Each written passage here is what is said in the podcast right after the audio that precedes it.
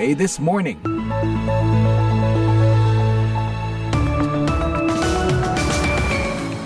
Pendengar, selamat pagi dari Ibu Kota Amerika di Washington DC.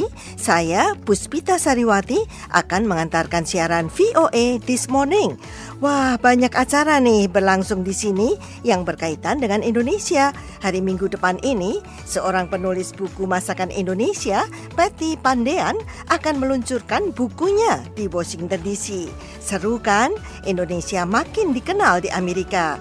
Nantikan saja liputan kami tentang itu ya. Sekarang langsung saja kami buka acara ini dengan produser Jimmy Manan yang telah menyiapkan sejumlah laporan dan info terkini. Di antaranya, Amerika bisa kehabisan uang tunai pada 1 Juni nanti.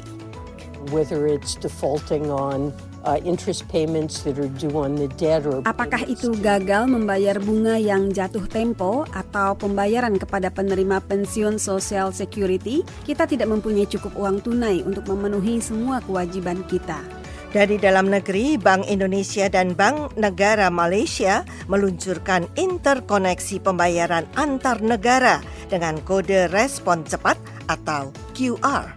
Setelah dengan Thailand, Indonesia Thailand, hari ini Indonesia dengan Malaysia, insya Allah kita akan kembangkan dengan Indonesia Singapura dan Indonesia Filipina.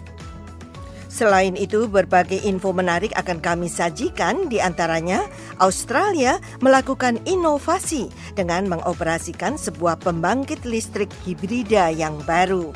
Siaran ini juga bisa Anda ikuti melalui situs www.voaindonesia.com atau simak dalam podcast VOA This Morning episode hari ini di podcast langganan Anda.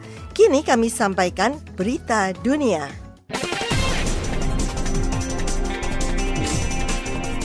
Pendengar, delegasi Uni Eropa di Israel hari Senin membatalkan resepsi diplomatik memperingati Hari Eropa karena akan ada penyertaan Menteri Sayap Kanan Israel Itamar Ben Gvir yang mengkritik peristiwa itu sebagai bentuk pembungkaman.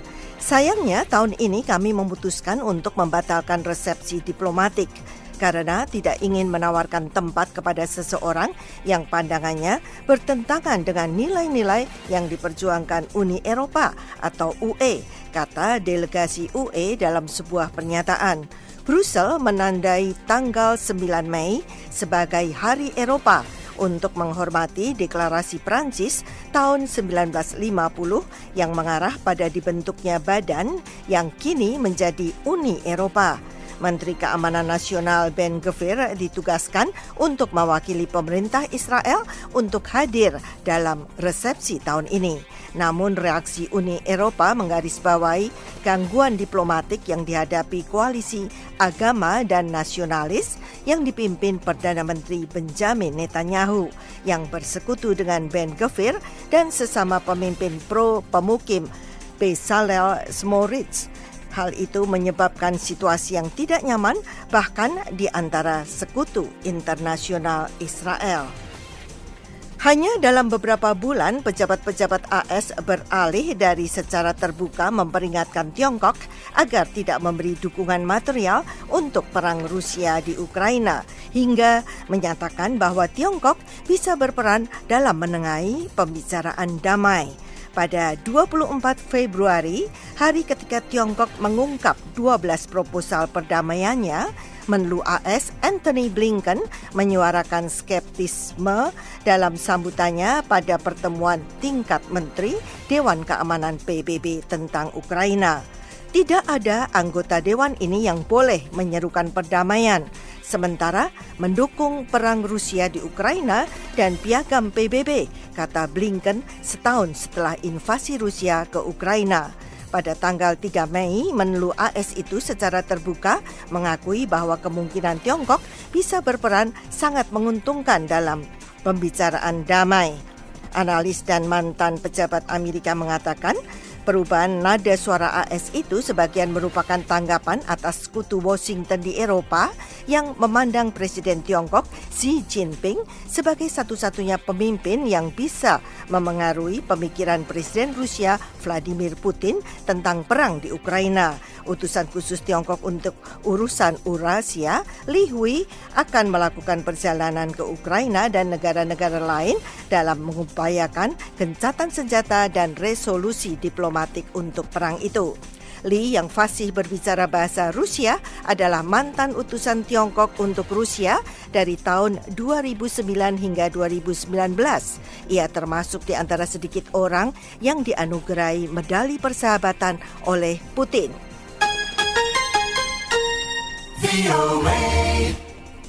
Dengan tembakan dan suara ledakan, marinir Swedia dan Inggris hari Senin menyerbu sebuah pulau di Kepulauan Stockholm. Itu bagian dari latihan militer terbesar di negara Skandinavia tersebut dalam hampir 30 tahun. Latihan selama sebulan yang disebut Aurora 23 itu menggabungkan lebih dari 26 ribu tentara dan semua cabang militer. Selain itu, 14 negara lain ikut serta. Aurora 23 berlangsung sementara Swedia berusaha menjadi anggota penuh aliansi militer NATO. Kapten Markus Hember, Komandan HMS Albion mengatakan, uh, in terms of how we operate together. At difficult times, old friends work together, and I think this is a great example of how we're building a strong relationship with Sweden. As you know, Pada masa-masa sulit, teman lama bekerja sama, Inggris sangat mendukung masuknya Swedia ke NATO dan ini semua adalah bagian dari membangun hubungan kami yang sudah terjalin katanya. Swedia dan Finlandia mendaftar untuk bergabung dengan NATO pada Mei 2022 menyusul invasi Rusia ke Ukraina. Departemen Luar Negeri AS hari Senin mengatakan tidak akan memenuhi permintaan anggota Kongres AS untuk memberikan laporan lengkap pemerintahan Biden tentang penarikan pasukan militer AS dari Afghanistan. Sekian berita dunia, Puspita Sariwati, VOA, Washington. Pendengar, Menteri Keuangan Amerika Janet Yellen mengulang kembali peringatannya bahwa AS bisa kehabisan uang tunai sedini 1 Juni. Peringatannya datang dua hari sebelum Presiden Joe Biden akan bertemu dengan anggota Kongres, Demokrat dan Republik seputar masalah peningkatan pagu utang.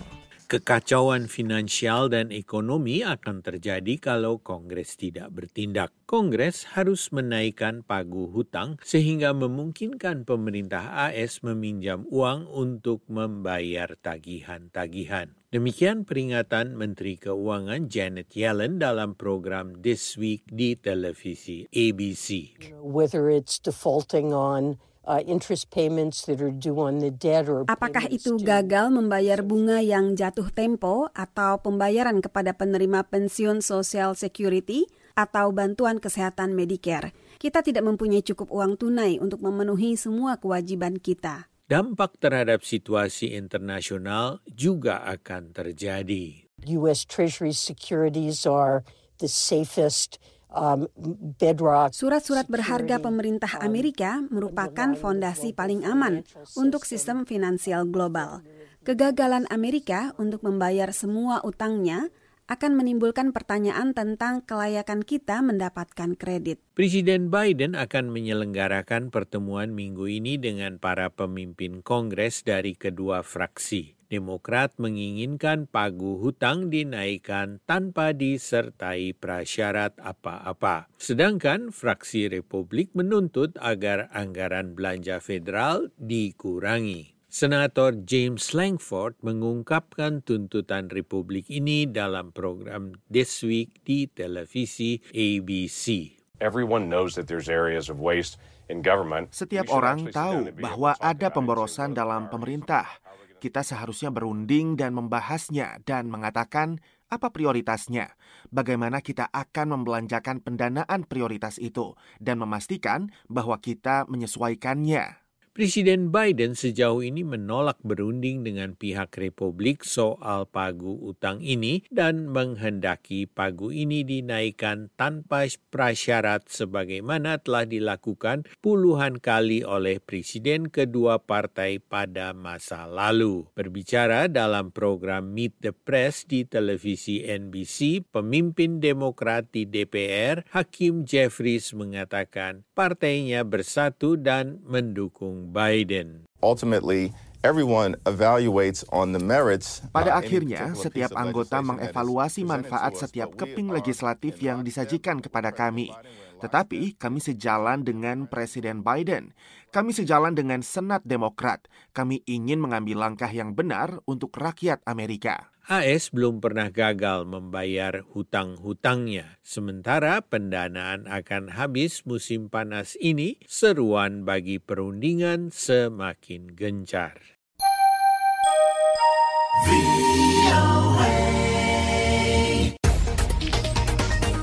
Warga Damaskus umumnya menyambut gembira berita bahwa Liga Arab setuju untuk memulihkan keanggotaan Suriah yang ditangguhkan ketika terjadi pemberontakan terhadap pemerintahan Presiden Suriah Bashar al-Assad pada tahun 2011. Selengkapnya disampaikan Made Yoni.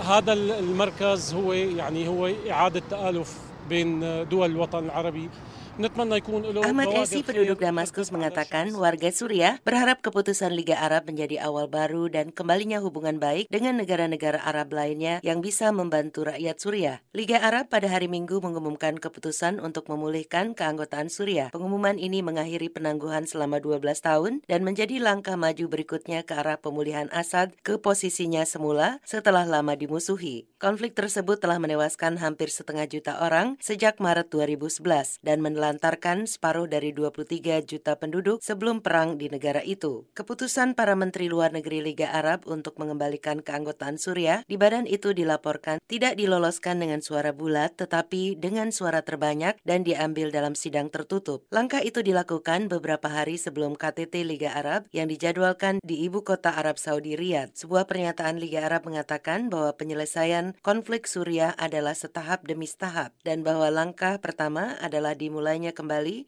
partisipasi Suriah dalam pertemuan Liga Arab. Kelompok tersebut mendukung integritas wilayah Suriah dan penarikan semua pasukan asing dari negara tersebut. Juru bicara Liga Arab Jamal Rusdi mengatakan keputusan hari Minggu tidak menandakan berakhirnya konflik di Suriah, tetapi awal dari sebuah akhir.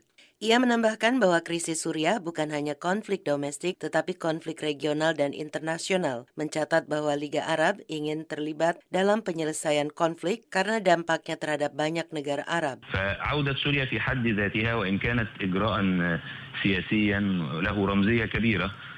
Ia mengatakan keputusan untuk mengembalikan kursi Surya sebagian besar merupakan langkah politik simbolis setelah bertahun-tahun tidak mengizinkan Surya untuk berpartisipasi dalam kelompok tersebut dan negara-negara Arab ingin Surya menjadi pihak dalam penyelesaian konfliknya. Qatar Abu Diab yang mengajar ilmu politik di Universitas Paris mengatakan kepada VOA bahwa penerimaan kembali Surya ke Liga Arab terjadi pada saat yang buruk. Beberapa hari setelah kunjungan Presiden Iran, Ibrahim Raisi ke Damaskus, di mana Teheran dan Damaskus membuat kesepakatan jangka panjang terkait minyak, fosfat, transportasi, listrik, pertanian, dan masalah ekonomi utama lainnya. Le contour de cette résolution Ça s'est traduit par un retour complet de la Syrie dans la Ligue Arabe. Ia mengatakan bahwa keputusan untuk mengembalikan kursi Suriah di Liga Arab menandakan kemenangan penuh rezim Suriah dan itu adalah simbol bagi pemerintahan Suriah. Komunitas internasional katanya telah mengizinkan Suriah mempertahankan kursinya di PBB. Jadi jika Damaskus masih bisa menjadi anggota PBB, tidak ada alasan mengapa Suriah tidak bisa menjadi anggota Liga Arab. Voice of America, VOA. Pendengar, Bank Indonesia dan Bank Negara Malaysia meluncurkan interkoneksi pembayaran antar negara dengan menggunakan QR code atau kode respon cepat. Berikut laporannya dari Jakarta. Gubernur Bank Indonesia atau BI Peri Warjio mengatakan, Indonesia berencana membuat interkoneksi pembayaran digital dengan negara-negara ASEAN. Salah satunya yaitu dengan meluncurkan interkoneksi pembayaran antar negara menggunakan kode respon cepat dengan Malaysia pada Senin 8 Mei. Menurutnya, hal yang sama sudah dilakukan Indonesia dengan Thailand. Setelah dengan Thailand, Indonesia Thailand, hari ini Indonesia dengan Malaysia, insya Allah kita akan kembangkan dengan Indonesia Singapura dan Indonesia Filipina. Interkoneksi pembayaran dengan kode respon cepat ini melibatkan sembilan lembaga keuangan, termasuk lembaga selain bank. Dengan cara ini, warga Indonesia dan Malaysia dapat melakukan transaksi di toko fisik ataupun online. Kata Perry, layanan ini juga dapat mendorong pembayaran lintas negara lebih cepat, murah, dan transparan, terutama bagi usaha mikro, kecil, dan menengah atau UMKM. Perry mengatakan tahun ini saja sudah ada 45 juta pengguna kode QR standar Indonesia atau KRIS yang sebagian besar merupakan pelaku UMKM di pasar-pasar tradisional. Sementara itu Presiden Joko Widodo mengatakan ekonomi dan keuangan digital di Indonesia dapat dioptimalkan sebagai sumber pertumbuhan ekonomi baru. Kita berada dalam peringkat keenam negara dengan jumlah startup terbesar di dunia. Jokowi menambahkan nilai ekonomi digital Indonesia diproyeksikan akan mencapai 130 miliar dolar Amerika pada 2025 dan akan terus tumbuh mencapai sekitar 315 miliar dolar Amerika pada 2030. Karena itu Jokowi meminta Indonesia terus melakukan inovasi dalam sistem pembayaran berbasis digital tanpa melupakan keamanan dan perlindungan masyarakat. Menanggapi hal itu, pengamat ekonomi Ika Puspitawati menilai penerbitan interkoneksi pembayaran lintas batas negara sebagai sesuatu yang positif. Sebab sistem ini dapat mempermudah dan praktis dalam transaksi perdagangan sehingga bisa mendorong orang untuk belanja. Dari Jakarta, Sasmita Madre melaporkan untuk VOA Washington.